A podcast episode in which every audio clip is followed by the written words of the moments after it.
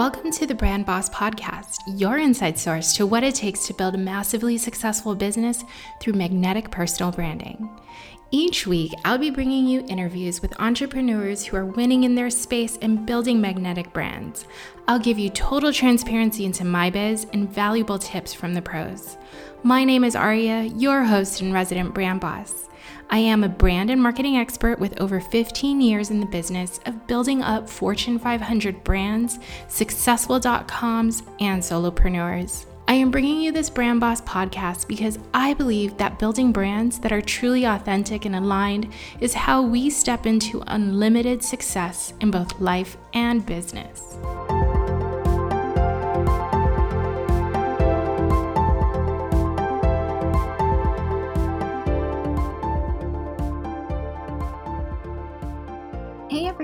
Welcome back to another episode of the Brand Boss Podcast. I am your host, Aria Almeida, and I am so glad to have you here because we have good stuff to talk about today. We are going to talk about why you need to just be doing one thing at a time. Here on the Brand Boss, I am doing everything I can to give you the kind of content that's going to set you up for success. So, this is it right here telling you why you need to be doing just one thing at a time and how you can more effectively do one thing at a time because our lives are busy, things are crazy, things are hectic. So let's dive in. Now imagine this. You've started your business, and there are all these different things you want to do. You want to write in your blog, you want to be all over social media, you want to offer coaching, you want to offer paid writing services, and you want to start a mastermind. And you're so excited to get all these things going with success, right? You want to launch these things successfully. Here's the truth the truth is, doing too many different things will be the biggest factor in your potential to fail, girl. And it's because it's going to cause this domino effect of other issues. Now that I'm saying it, you might have seen some of these things happen you might have seen this domino effect of failure or of shortcomings or of just feeling bad about how the pro- about the progress you're making or not making. Basically, it's setting you up for failure. Now, why would you fail if you love doing all of these things, right? We're always talking about being aligned and doing the things you love. So, why would you fail if you love doing all these things? Well, it's because you end up putting so much work into all those different things at the same time that you'll never actually get good at one of them. You'll cause yourself to burn out, you'll stretch yourself and your dollar way too thin. And you'll be so worried about being successful in all of them that you'll miss the small wins in one or maybe in a few of them. And with that in mind, I want you to think about all of those times that you felt yourself sort of come up short and ask yourself, was I doing too many things? Now, the way the mind works is because you want all of them to be successful at the same time. If anything goes wrong, or like if somebody says they just don't like it, or if they don't have, if you don't have the right equipment to do one of them, you'll actually just call it quits on all of them. Your energy will just be depleted from all of them. You'll also get so distracted and confused as you try to work through all of that that you'll feel discouraged. Think of all those times when you couldn't find focus. I bet nothing got done. That was what happened. That's what will happen here. You'll do your to do list You'll look at it and you'll be like, oh my God, it's so long. You'll end up seeing weeks pass by without anything getting done. No new clients, you'll think you're not worth it. If you see no new followers, you'll think that you need to hire one of those shady bot services. If you see no one's reading your blog, you'll wonder why you're not why you're even writing it if you're not getting anyone to see it. If you get no inquiries on your business, you'll think that you don't have a chance. You don't need to tire yourself out only to give up on yourself. You deserve the success that you want. This is why I coach my clients to be really clear about their ultimate vision of the life they want to create by doing what they love. This includes what they truly want to become and define the way that they want to become that. Using your vision, here's how you can decide the things that you can launch first so that you set yourself up for success. Because that's why you're here, right? So, the first big question is what do you absolutely love doing? This is different from what you should be doing. What do you feel really confident doing? Envision a past version of where you were at your absolute best. What were you doing? What will you get absolutely lit up about knowing it can help others you really want to help? I have one client who, before she joined my Brand Boss Business School, she had this fire lit up inside of her that she wanted to change her life to finally pursue a career that she actually loved waking up to every day. The problem was that she couldn't figure out what that was. I asked her to step into a memory when she felt like her absolute best self. All of her memories of helping other people came flooding back to her. She attached herself to this vision when people would be extremely thankful for her help and for how reliable she was. She said that kind of feedback from people made her feel so amazing that would it would add to her confidence and she would become fired up to do more and try even harder.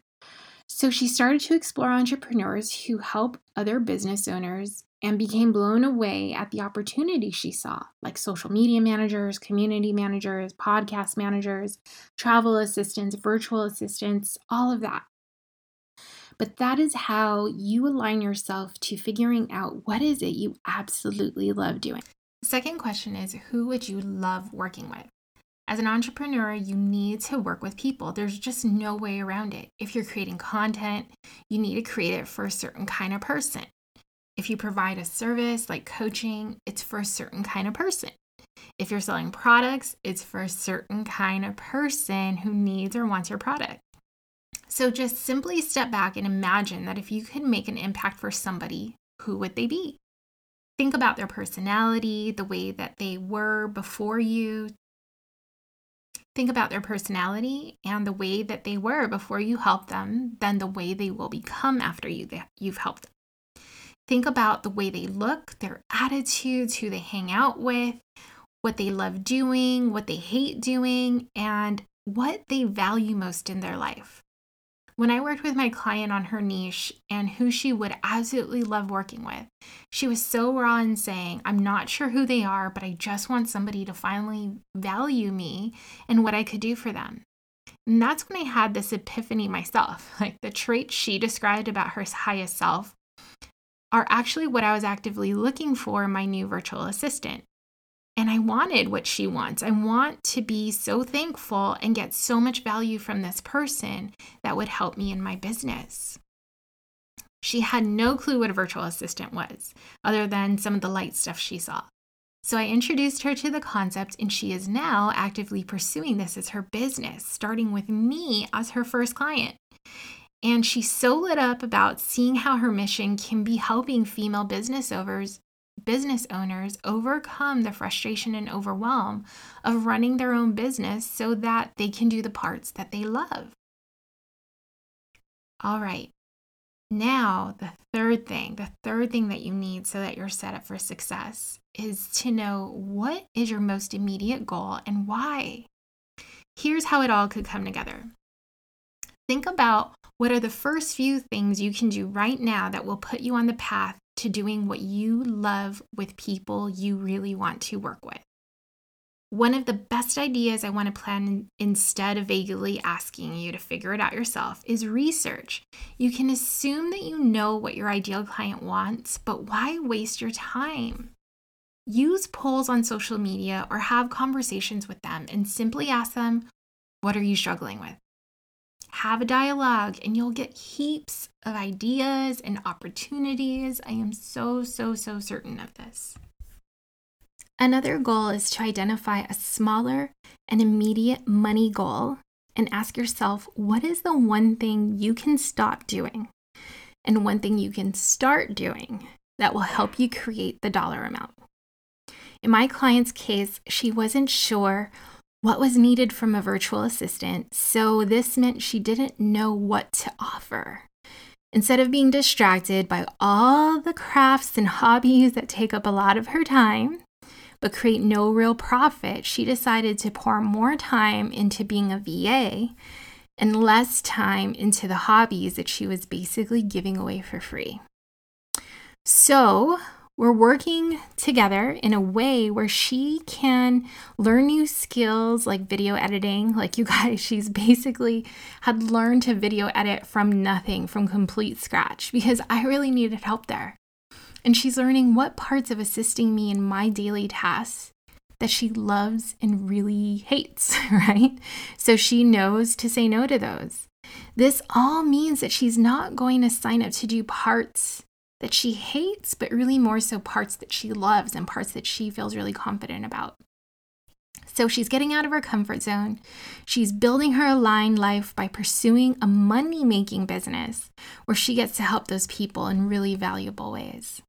She's just weeks in and she's already creating her package offers to make very smart marketing moves very, very, very soon. That means before the program ends, like before she's even done with Brand Boss Business School, she'll already be hitting her first money goal that's really aligned in what she really loves doing while working with people that she actually looks forward to working with. And so that's it. Those are the three things you need. Look, there's huge reward in dropping the things that aren't serving you and focusing just on the one thing or the one path that will get you the vision you truly want to create for your life. So stop filling your days with those busy work and that to do list and start pursuing the path that lights you up so that you can go out and build your empire. All right.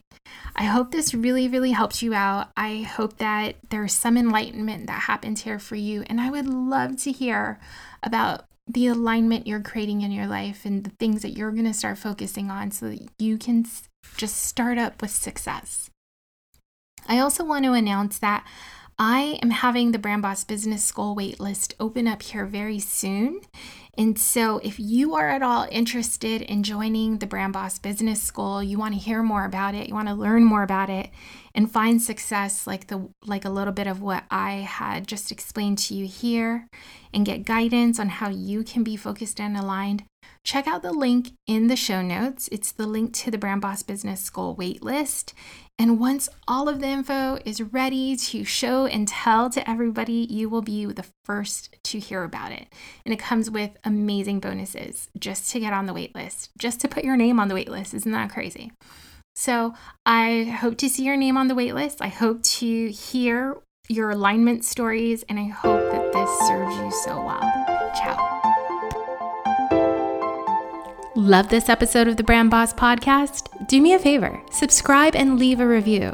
Don't forget to follow me on Instagram for even more tips. You can find me on Instagram by searching my name, Aria Almeida. I'll be the brand and biz coach. See you there.